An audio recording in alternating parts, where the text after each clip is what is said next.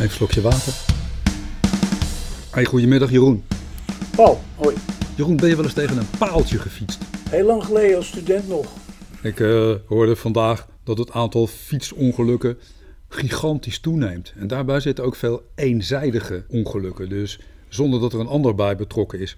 Nou, ik kan me indenken dat dat iets met paaltjes en, en vluchtheuvels, kettingjes, eh, chicanes en andere booby-traps te maken heeft. En ook met de toename van de hoeveelheid fietsen. Ik zag de Amstel Gold Race dit weekend en ik dacht, jee, nee, wat is Nederland een gevaarlijk fietsland zeg. Bloembakken op de weg, auto's uh, slecht geparkeerd, uh, chicane hier, chicane daar, paaltjes, vluchtheuvels. Uh, levensgevaarlijk dat er niet meer ongelukken gebeuren, man. Niet nieuw hè, in Limburg. Uh, wielerwedstrijden in Nederland organiseren is een, een, schier onmogelijke taak, omdat het niet-wielerpubliek er volkomen maling aan heeft. En, en het opruimen van dat soort obstakels, wat ze bij grote rondes wel doen. Ik kan me heel goed herinneren hoe ze in Utrecht uh, gewoon hele verkeersheuvels eruit haalden voor de komst van de Tour de France. Dat is bij een klassieker als de Amstel Gold Race onmogelijk. Overigens, Limburg is niet eens geïnteresseerd in de Amstel Gold Race, behalve als je café-eigenaar of hotel-eigenaar bent. Ja, Nederland, fietsland hè, met, met alle nadelen van het fietsland. In Utrecht zie ik het het, het meest. Ik denk dat het in Neder veel minder problematisch is. Nou, er was hier zelfs een partij, het CDA, die had het in haar verkiezingsprogramma staan. Minder paaltjes op de weg. Ja, dat vond ik toch wel een uh, dankbaar onderwerp. Ja. Maar er is hier geen paaltje wat nog recht staat, joh. En ik heb altijd uh, gedacht dat uh, die paaltjes die zijn dik gesponsord door de herstelbedrijven. Volgende programma, programmapunt van het CDA: uh, mensen leren fietsen. Oké, okay, ja, nou paaltjes weg. Jeroen, nieuws van vandaag. Mevrouw Ploemen stapt op. Ja. Eerste reactie. Niet verrassend. En, het was eigenlijk mijn tweede reactie. Nadat ik eerst dacht: sneu. Uh, ze, ze, heeft het niet gered. Het was eerst, het was eerst uh, zo'n flashmededeling op de NOS. En toen kon ik snel op andere gremia zien wat uh, haar motivatie was. Ze was dus niet ziek of zo, maar uh, het had meer te maken met um, haar eigen grens. Ze heeft moeten toegeven dat ze niet de geschikte leider is, of zich althans niet zo voelt. Ze is natuurlijk uh, vrij snel op die plaats gekomen, vrij abrupt omdat voorganger Lodewijk Asscher moest opstappen vanwege de toeslagenaffaire. En daarna is het een probeersel geworden, waarbij ze vooral prominent natuurlijk in beeld kwam in een poging om in coalitie met GroenLinks uh, in het kabinet te komen. En ik vind, het, ik vind het, ik weet niet hoe jij erover denkt, uh, over het algemeen toch ook wel weer een teken van het, het permanent zoeken van die Partij van de Arbeid, ook gelet op uh, wat er over de grenzen gebeurt, naar een, een, een goede plaats in, in de moderne politiek, in het moderne bestuur. Ja, daar dacht ik dus ook even aan. Zouden ze dit weekend toch even stiekem hebben gekeken naar Marine, Marine Le Pen in Frankrijk, die de oudere arbeidsklasse aan zich weet te binden? Iets waar de Partij van de Arbeid totaal niet meer in slaagt. Ik denk dat daar toch het een en ander uh, fout gegaan is. Dat is natuurlijk al langer aan de gang met de Partij van de Arbeid in Nederland. Jawel, maar dan heb je op een gegeven moment een nieuwe lijsttrekker, een nieuwe verkiezingen. Dan verwacht je misschien toch een nieuw elan. Dan verwacht je programmapunten die mensen die zo teleurgesteld zijn in de politiek en naar de flanken opschuiven, misschien eens wat meer aanspreken. Lodewijk Asscher die trad het strijdperk in met uh, oplossingen voor ZZP'ers, waarvan heel veel mensen vonden van laat mij alsjeblieft met rust als ZZP'er. Dus dat sloeg ook niet echt aan. Nou, mevrouw Ploemen bij de algemene beschouwingen maakte zich ontzettend uh, breed over de bezuinigingen op de gezondheidszorg, waarbij ze al heel snel moest erkennen dat het hier niet om werkelijke bezuinigingen ging, maar uiteindelijk om afvlakken van de stijging. Ja, niet allemaal zo geloofwaardig. Dan krijg je de, de flirt met GroenLinks. Dat lukt ook niet. Ja. Ik denk altijd dat de Partij van de Arbeid in de problemen is gekomen toen ze de echte sociaaldemocratie afwierpen en gingen flirten met deregulering, commercialisering, uh, privatisering. En uh, daarna, na de, de crisis, hadden we, hoe heet die jongen met, samen met Rutte, die heeft... heeft Diederik Samson. Ja, Diederik Samson, die ontzettend goede verkiezingen deed. En daarna toch samen met Rutte Nederland redelijk door die crisis heeft heen gesleurd. Maar vervolgens hele verwik verwikkeld, verwikkeld waar. Nou ja, hij raakte verwikkeld in een verkiezingsstrijd die hij verloor, in een lijsttrekkersstrijd die hij verloor aan Asscher. En hij heeft helemaal niet de kans gehad om zichzelf te verdedigen. En ik denk dat dat de Partij van de Arbeid ook geen goed gedaan heeft. Toen is het zo snel bergafwaarts gegaan. En zonder echte nieuwe ideeën ja, kom je ook niet meer terug. Nou, los van die interne verkiezingsstrijd was natuurlijk al duidelijk dat er nog een, partij meespeelde. De kiezer zelf, Partij van de Arbeid. Kiezer voelde zich nu definitief bedot en verraden in het samenspannen met Rutte. Dat heeft ze een ontzaglijke achterstand bezorgd. Omdat uh, die samenwerking niet uh, blijkbaar het pakkende antwoord was op wat jij net zei. Uh, wat begonnen is met het beroemde afleggen van de ideologische veren. Daar is de Partij van de Arbeid nooit goed overeen gekomen. Ik vind het in ieder geval eerlijk van Liliane Ploemen. Ze is misschien ook nu wel tijdig weg. Het nieuwe kabinet is net begonnen. Um, het, gaat, uh, gelet op wat er vorige week allemaal weer aan potsierlijks is gebeurd rond Hugo de Jonge, andermaal over vertrouwen in de politiek. Um, Lilian Ploemen heeft dat, wat mij betreft, niet beschaamd. Maar heeft voor zichzelf blijkbaar de conclusie getrokken dat ze de brede blik en ik denk ook de ausdauer en de hardheid mist om leider te zijn van een partij die uh, zo uh, aan het zoeken is naar een nieuwe identiteit. Zou het dat uh, ook niet zijn, Jeroen, dat die nieuwe identiteit niet pan klaar voor haar klaar ligt, zodat zij vanuit die ideologie, vanuit een nieuw elan, standpunten kan innemen? Ik mis dat gewoon in de politiek. Als ik op dit moment naar de politiek kijk, ja, dan, dan zie ik probleem na probleem na probleem. En dan hebben we een probleem en dan komt er een oplossing. En de oplossing wordt vervolgens het nieuwe probleem. Nou, wat doen we dan? Dan uh, passen we die, die aangepaste oplossing dan maar even toe. En dan benoemen we een commissie. En die commissie gaat dan op zoek naar de oorzaken.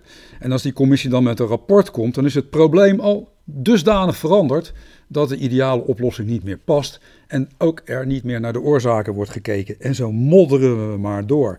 Er zou nou, toch eens een keer een een nieuwe ideologie moeten komen. Nou, alles lossen we nu op met geld, geld, geld. En, en ja, echt een, een gedachte over hoe we de samenleving gaan inrichten met elkaar, die is er op dit moment niet.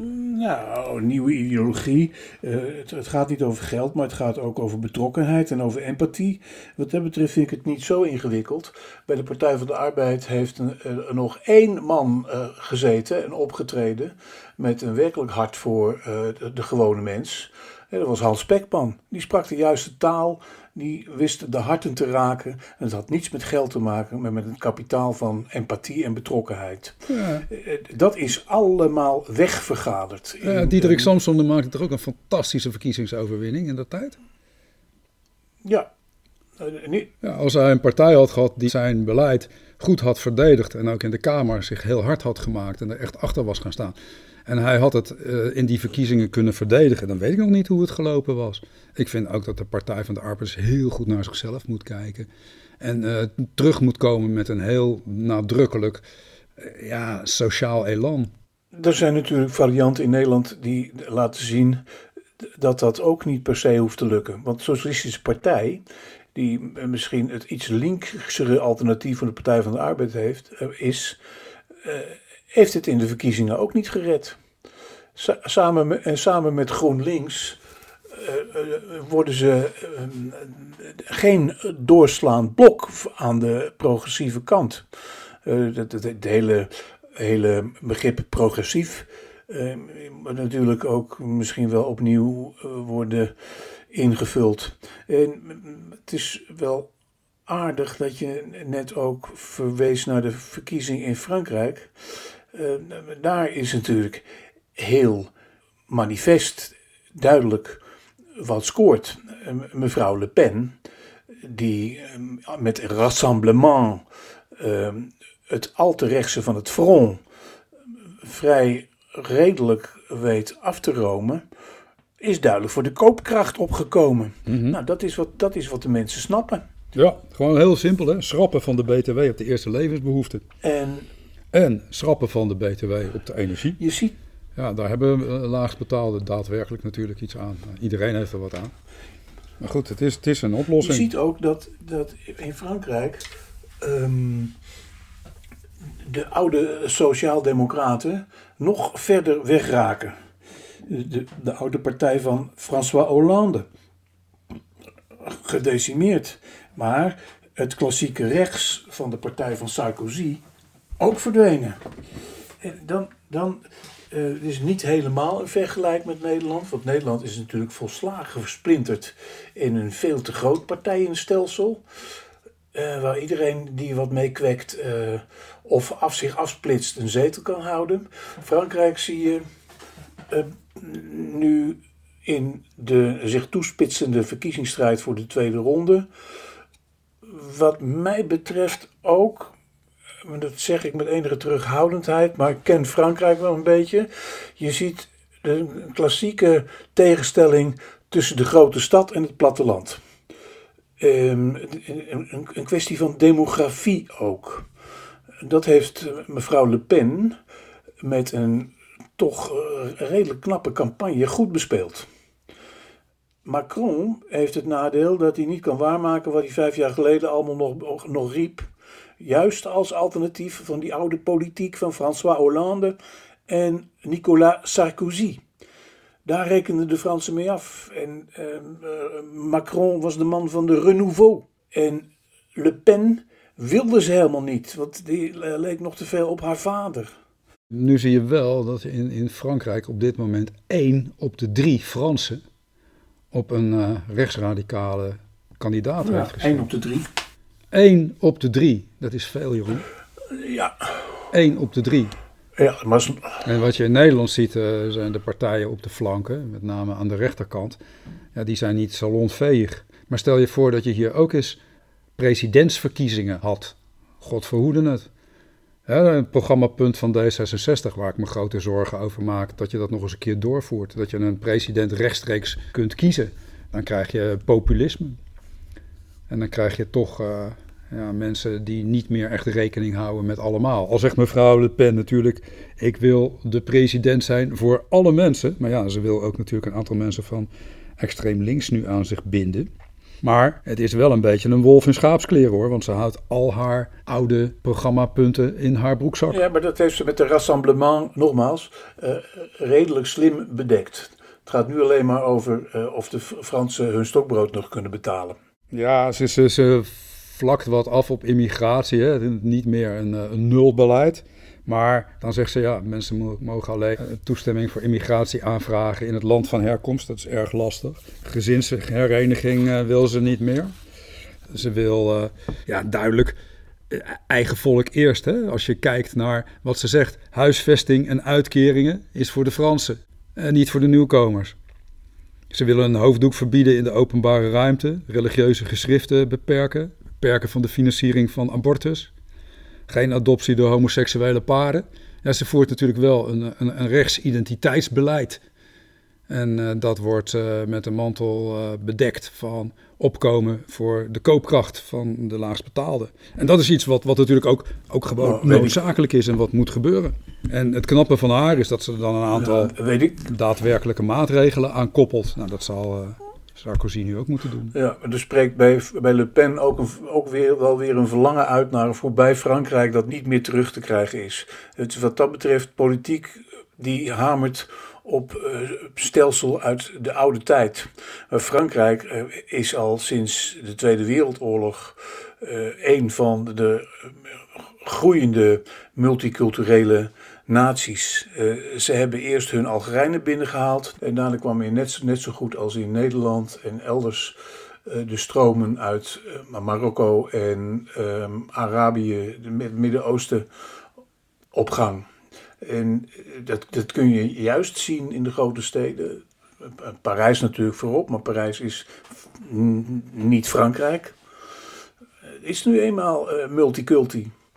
En, uh, het, ja, maar toch sluit ze aan bij de gedachten van uh, Hongarije en Polen. Niet te vergelijken. Zo kan je wel een vuist maken hoor in de Europese Unie. Het kan wel leiden tot verdere disintegratie. Het heeft het, het heeft er trekken van. Maar laat ik maar even beperken tot Frankrijk met permissie. Ehm, je zult zien, die tweede ronde, dat Macron nu misschien iets meekrijgt van de kiezers van Mélenchon. En uh, Le Pen op haar beurt die van Zemmour. Maar dat is regelrecht racisme. En dan vermoed ik dat de stem van de grote steden, die van het boze, wrokkige, rancuneuze platteland in Frankrijk toch zal overstemmen. Nou, laten we het hopen. Maar op het nippertje. Ik ben benieuwd. Ja, en op het nippertje dan.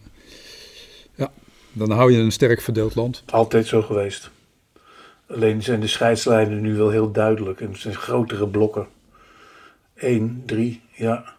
Nou ja, kan Macron misschien zich weer met Poetin bezighouden. Ja, of Marine Le Pen die gaat dat doen. Hè? Goed, Poetin. Ja, dan landen we aan bij uh, Oekraïne. Dat uh, gaat van kwaad tot erger. Op het affiche een nieuwe Rambo, generaal Dvornikov. De bommenman. De slager van Syrië. Ja, afschuwelijk, afschuwelijk.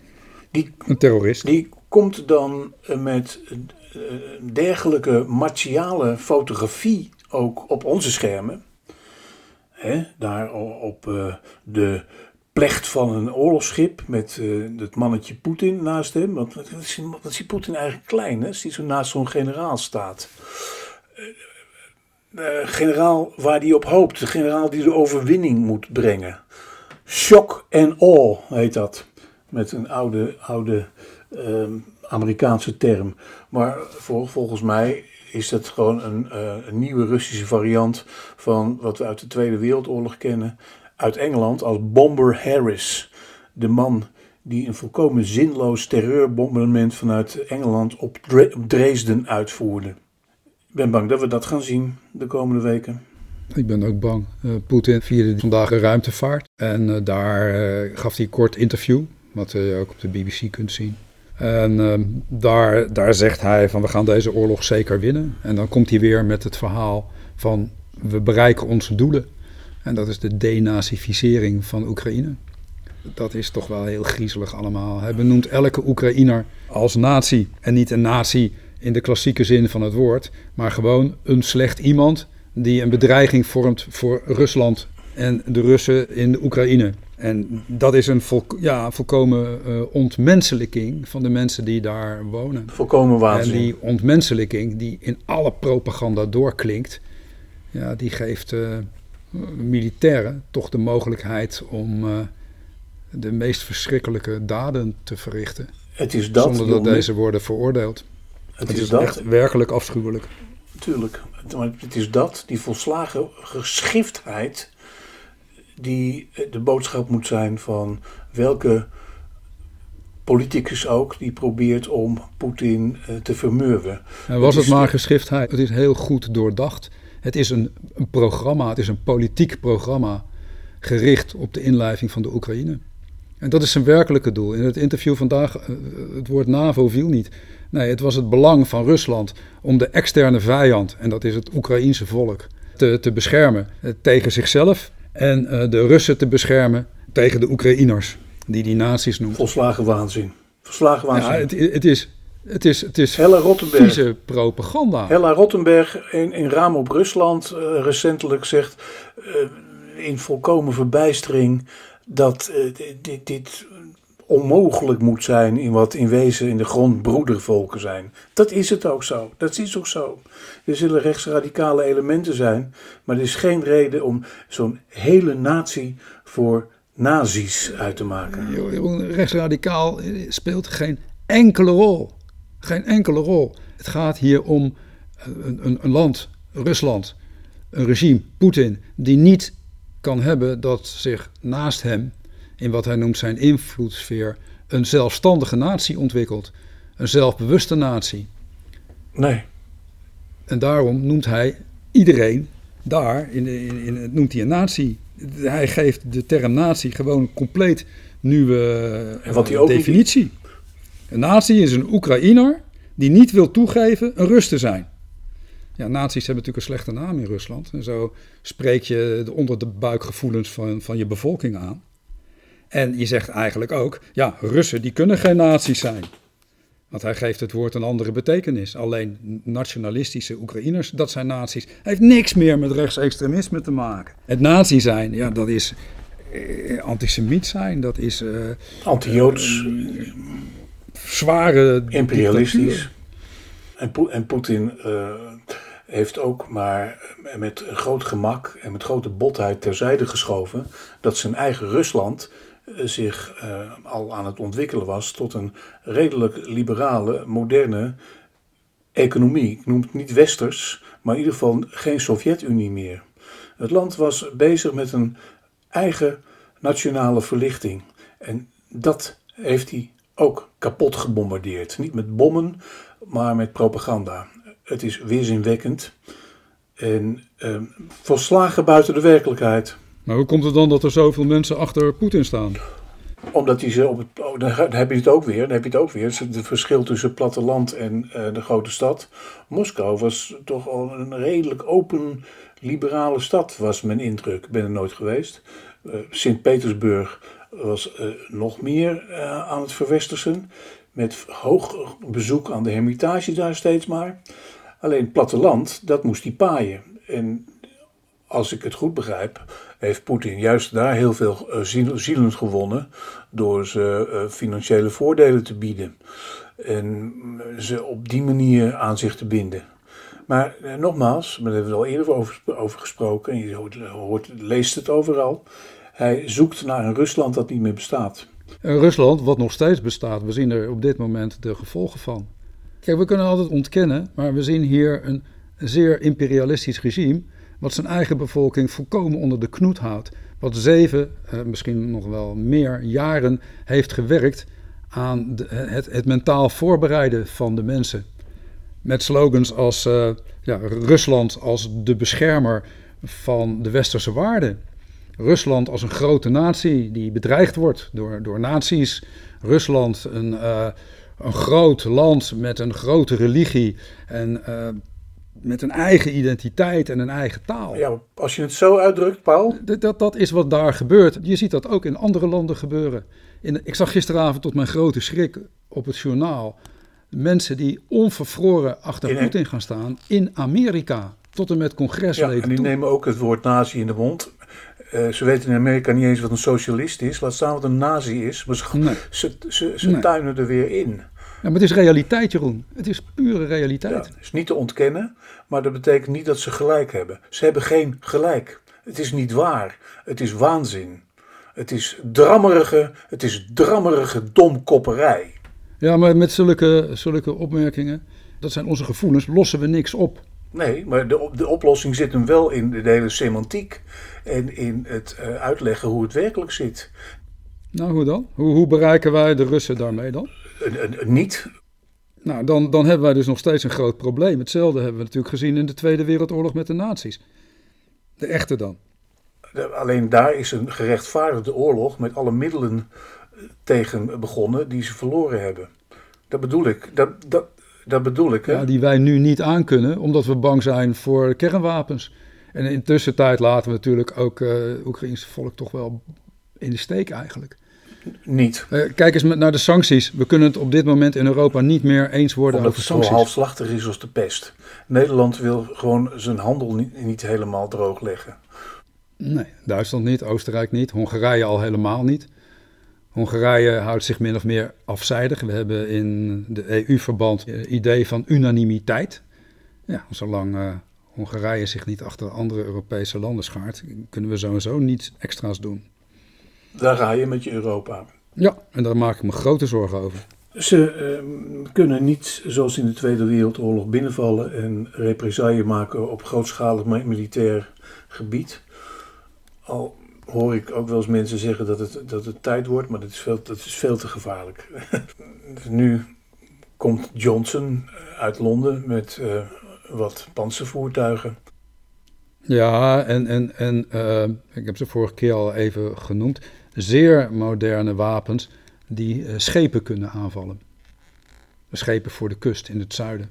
Nou, stel je voor, je, je bombardeert zo'n grote panzerkruiser. Is dat oorlog? Met het Westen? Als het met westerse wapens gebeurt, ik vind het doodgriezelig. Ja. En ik vrees dat we de komende twee weken een uh, geweldige, nare vernietigingsoorlog kunnen verwachten met nog meer vluchtelingen. En uh, een tijdelijke bevriezing van de oorlog. En dan ja, de volgende stap. Het is, uh, het is heel eng. Ik geloof dat Oekraïne op die manier het Vietnam van Rusland antwoorden is. Op een of andere manier. En dat daarna de regeringsleiders misschien iets meer druk uit kunnen oefenen op Poetin. Om um, duidelijk te maken dat wat hij aan het doen is buiten de werkelijkheid van de wereldorde is. En dat zeg je nou wel steeds, hè? Buiten de, het is de werkelijkheid ja. van de wereldorde. Kijk eens naar China. Hij heeft geen gelijk. Hij heeft geen gelijk. Hij heeft geen, hij heeft geen gelijk over nazisme. Ja, dat vind jij. Kijk eens naar China. Kijk eens naar een president van Amerika die zich al liegend door vier jaar presidentschap heeft geworsteld. En die op handen werd gedragen. Het, het, het democratisch gehalte van de, van de samenleving in zijn totaliteit neemt steeds verder af. Dus nog maar 40% van de samenleving is democratisch. De dictaturen zijn in opmars. In China wordt op het ogenblik keiharde Russische propaganda overgenomen. Ook het verhaal dat er in Bucha acteurs aan het werk waren, gestuurd door de Amerikanen, dat wordt daar gewoon op de nou, televisie ik ga, verteld. Ik ga, er, ik ga er bijna in geloven. Het is een realiteit. Het is een griezelige realiteit. En ik denk dat je hem alleen als je die realiteit ervaart en, en ook daadwerkelijk uh, als waar erkent, dat je misschien iets, iets terug kunt doen. En dat we misschien uh, daadwerkelijke sancties of daadwerkelijke maatregelen kunnen gaan nemen. En daaronder valt zeker ook het versterken van onze eigen democratie. Ja. En ik zie het nog niet. We tasten, zo'n zo akkefietje met uh, Hugo de Jonge, tast de geloofwaardigheid van de politiek nog verder aan. Volslagen. Volslagen. Nieuwe crisis binnen de Partij van de Arbeid. Maar... Ja, tast het ook nog verder aan. Het is een echt groot probleem. En ik denk dat we dat eerst heel goed moeten onderkennen en, en analyseren. En dan ja, alle, alle zeilen bijzetten. Om onze vrijheid uh, te redden. Ja, zeker. Alleen hoort er wat mij betreft, uh, denk ik, dus alle tegenstellingen en verwarring, toch ook een streven naar zo'n groot mogelijke realiteitszin bij. En, en, en over wat onze democratie betreft, het, het besef dat wij geen naties zijn vol nazi's. En dat de strijd nu wordt gevoerd nog steeds over, over de mythe van een strijd tegen nazi's. En, dat maakt het ook allemaal zo volslagen absurd en zo totaal onwerkelijk. Ik ben in ieder geval nog blij dat ik, hier, dat ik hier woon, dat ik hier leef. In een deel van Europa dat bevrijd is. En dat in de war is, maar in ieder geval. En kwetsbaar. Dat in de war is en kwetsbaar, maar niet ten eerste bezig is a priori met agressieve bedoelingen en volslagen krankjorum imperialisme. Nee, we en, moeten ons leger opnieuw opbouwen. En uh, in, in, in Duitsland gebeurt dat nu uh, volle kracht vooruit. Nou, we hebben er ook een aantal miljarden voor gereserveerd. En ik las in een van de kranten dat er zaterdag uh, een open dag was voor het leger, omdat ze nu nieuwe mensen nodig hebben. En er waren tien mensen komen opdagen. Ja, in Drenthe, tien man. ja, tien mensen. Ja, ons dappere Nederlandse leger, dat kan ook nog niet zoveel doen. Intussen tijd gaat, gaat die besmetting binnenlands door. Ja, een tijdje geleden noemden we even die Tucker Carlson. Die, die is nu een ster in Rusland. Doordat hij op de Amerikaanse televisie vertelt dat de VS samen met de Oekraïners chemische wapens maakt. Het is, het is, het is ongekend, Jeroen. Maar ook uh, op, op Facebook en uh, op, op podia zoals uh, Café Weltsmerts. daar is een grote liefde voor wat Rusland doet. En hoe verklaar je dat? Hè? Dat verklaar je doordat dat hier ook die hang is naar dat, dat identitaire. Dat, dat gevoel van het zijn van een natie met hun eigen religie en hun ehm, eigen moreel. Ik vind dat heel griezelig. En achterhaald vind ik het en onwerkelijk. Is niet achterhaald. Het is misschien wel uh, iets wat er, wat er op dit moment heel nadrukkelijk gebeurt. Demografisch zijn we zo, zulke landen niet. Want we zijn nu eenmaal niet al wit. Helemaal wit. Dat kan een, een, een witte superioriteitsgen in bepaalde kiezersgroepen wel willen. Maar het is niet zo. En we zijn ook niet allemaal woke. We zijn niet allemaal wit en we zijn niet allemaal woke. En in uh, de grote stad in Nederland uh, wonen veel meer nationaliteiten dan op het platteland. Ja, nou, dat, dat heb je overal. Maar nogmaals, wel al 75 jaar bevrijd van terreur, van nazi-terreur. En dat gingen, we allemaal, dat gingen we allemaal herdenken in 75 toen corona over ons kwam. En met corona een hele golf van dit soort denken inderdaad. Ja, het bestaat. Ik las van de week een uh, artikel in de New York Times van een schrijver die geheten David Brooks.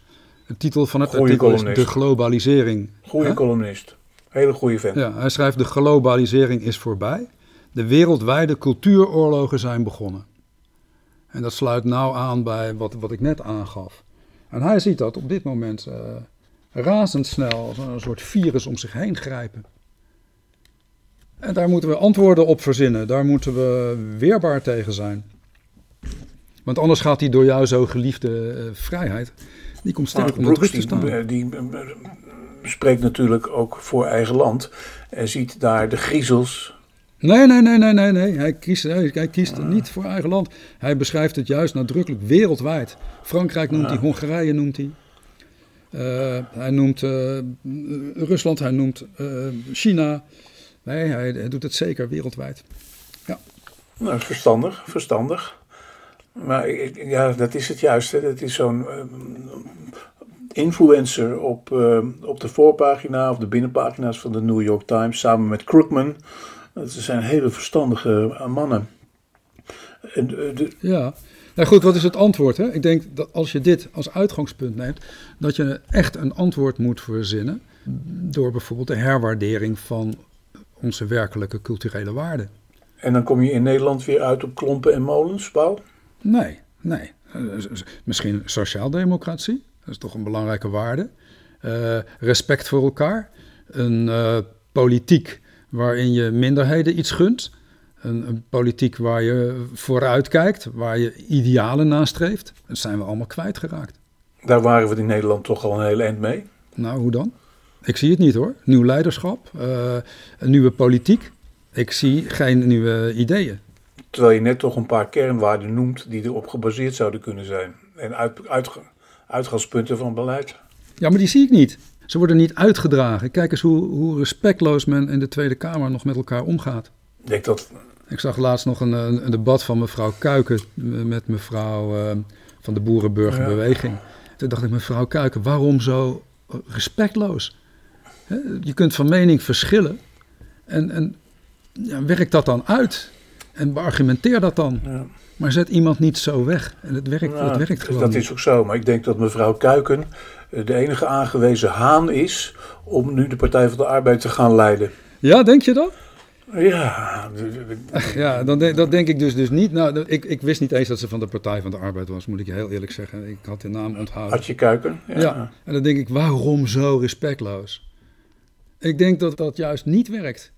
Kom met goede ideeën. Kom met echte oplossing. Analyseer. Analyseer waar de problemen liggen en ga daarmee aan het werk en neem mensen in je oplossingen mee. Ja, dat is een lange weg. Moet er maar eens over nadenken. Jeroen, was er nog iets uh, bijzonders cultureels uh, deze week waar je op kon verheugen?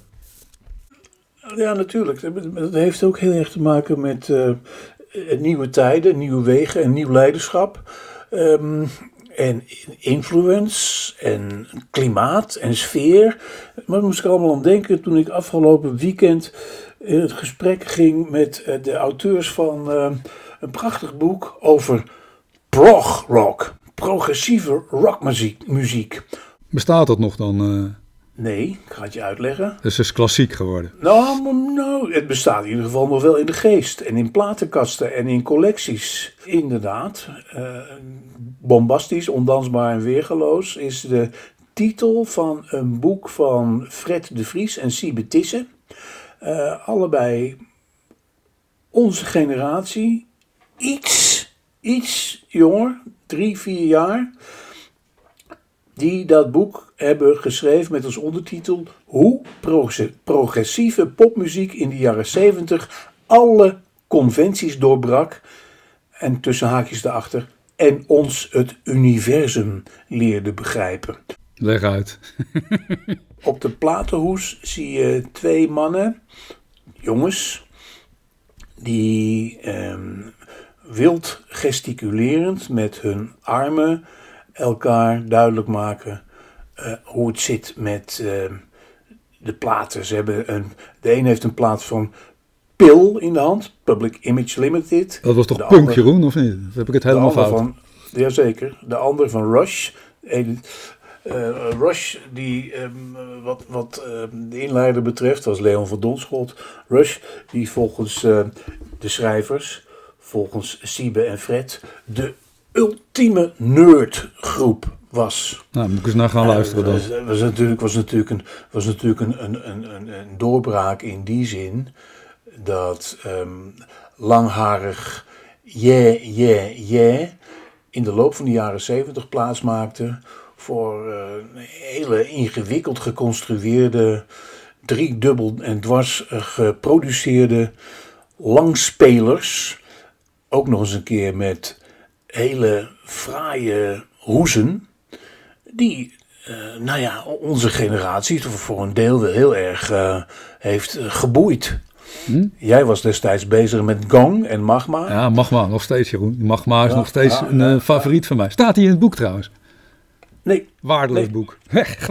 Als die er niet in staat, Jeroen. Gewoon waardeloos boek, Jeroen. Kom. Hè? Nee, maar, nog steeds, die, die, gasten zijn nog steeds actief. Ik heb ze gezien in Vredenburg. Hè. Mijn kinderen sleepten mee, mij mee.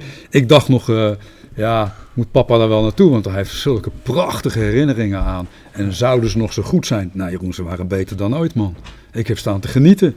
En er was ook geen applaus. Mensen joelden, waren blij, waren vrolijk. En iedereen ging blij naar huis. En dan staan ze niet in het boek. Nee, nee ze, hebben keuzes, ze hebben keuzes gemaakt. En Gong, staat die er wel in?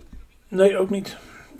Maar oh. wel, eh, maar wel, uh, oh. een, maar wel van de Graph Generator. En, uh, en ook, ook aandacht voor Elquin. Oh, dat was wel mooi. Elquin, dat is de, de, de nederprog rock. Ja, het, het, geeft in ieder geval iets aan. Ik, ik, ik heb met die auteurs ook een inleidende sessie gehad op de grote platenbeurs in Den Bosch. Oh, dat is trouwens ook weer zoiets anders. Ik weet niet of je ooit op zo'n platenbeurs bent geweest. Maar daar loopt dus de hele generatie van de 60s en de 70s rond. Allemaal fors grijs geworden. Allemaal mannen meestal. En eh, bakken vol met progrock aangeboden door dealers uit Italië, uit Oostenrijk, uit Duitsland. Het, eh, eh, het was niet, niet het enige onderdeel van die platenbeurs natuurlijk. Maar ja, dat was dus wel wat ons destijds boeide en ons eh, ook enigszins afleidde van de ellende van de oorlog, in dit geval Vietnam. Uh, met, met, één, uh, met twee prachtige details uh, in de bespreking van de plaat Medal van Pink Floyd. Ja. Die begon met One of, Echo. Die begon met One of These Days. Dreunende bassen van eh, Roger Waters. En Echo, dat was dus de andere kant van de plaat. Dat is de hele plaatkant. Die begon met die ene klassieke ping van Wright, de toetsenist. En het is ontzettend leuk om te lezen, maar dat geldt voor alle hoofdstukken. Ook bijvoorbeeld over van de Graaf Generator van uh, Peter Hamill. Hoe die lui gewerkt hebben met uh, wat voor muzikale ijver en meesterschap.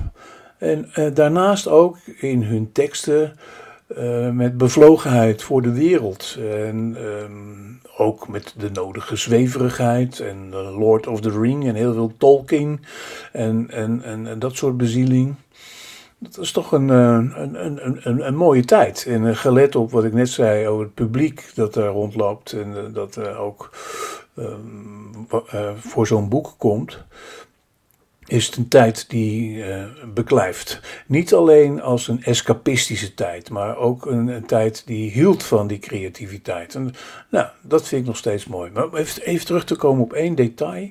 Dat vond ik weer zoiets grappigs. De, plaat Medal hadden de ontwerpers voor het hoesbeeld oorspronkelijk eh, willen inzoomen op de aars van een aap. Dat vond Roger Waters en David Gilmour toch niet zo geschikt. Toen werd het zo'n groot oor dat halverwege in het water was gezakt voor de omslag van Medal. Nou, nou ja, in, ieder geval dat soort, uh, dat soort details. Uh, onderdeel van een veel bredere uitleg van de betekenis van die prog rock. Ja, wat grappig was, uh, je noemde net even Elkwin. Laatst was het op de televisie was een programma over de ouder wordende popmuzikant. Dat was heel aardig. En daarin zat ook Michel van Dijk, de zanger van Elkwin, eh, met de gitarist van Elkwin, Ferdinand Bakker. En die blijken nog steeds platen te maken. Ik heb laatst uh, die nieuwe cd van uh, deze twee mannen eens opgezocht. En ik moet zeggen, dat klinkt heel aardig, heel fris. Heel prettig. Ja, dat is toch wel wat ik graag doe. Hoewel ik een beetje doof ben geworden aan één oor. Probeer ik toch altijd nog uh, de nieuwe muziek te ontdekken. En naar de nieuwe muziek te luisteren. De muziek van nu. Heerlijk. En Heerlijk. oude muziek ja, luister ik eigenlijk heel zelden. Maar ik zal metal eens opzetten vanavond. En Rush, want dat, dat ken ik niet. Je weet niet wat je hoort. Goed zo. Grote genoegens. Goed zo. Nou, dat is een mooi moment uh, om je weer gedag te zeggen, Jeroen. Hè? Oké, okay, Paul. Praten we volgende week weer verder. Goed zo. Hi. Hoi.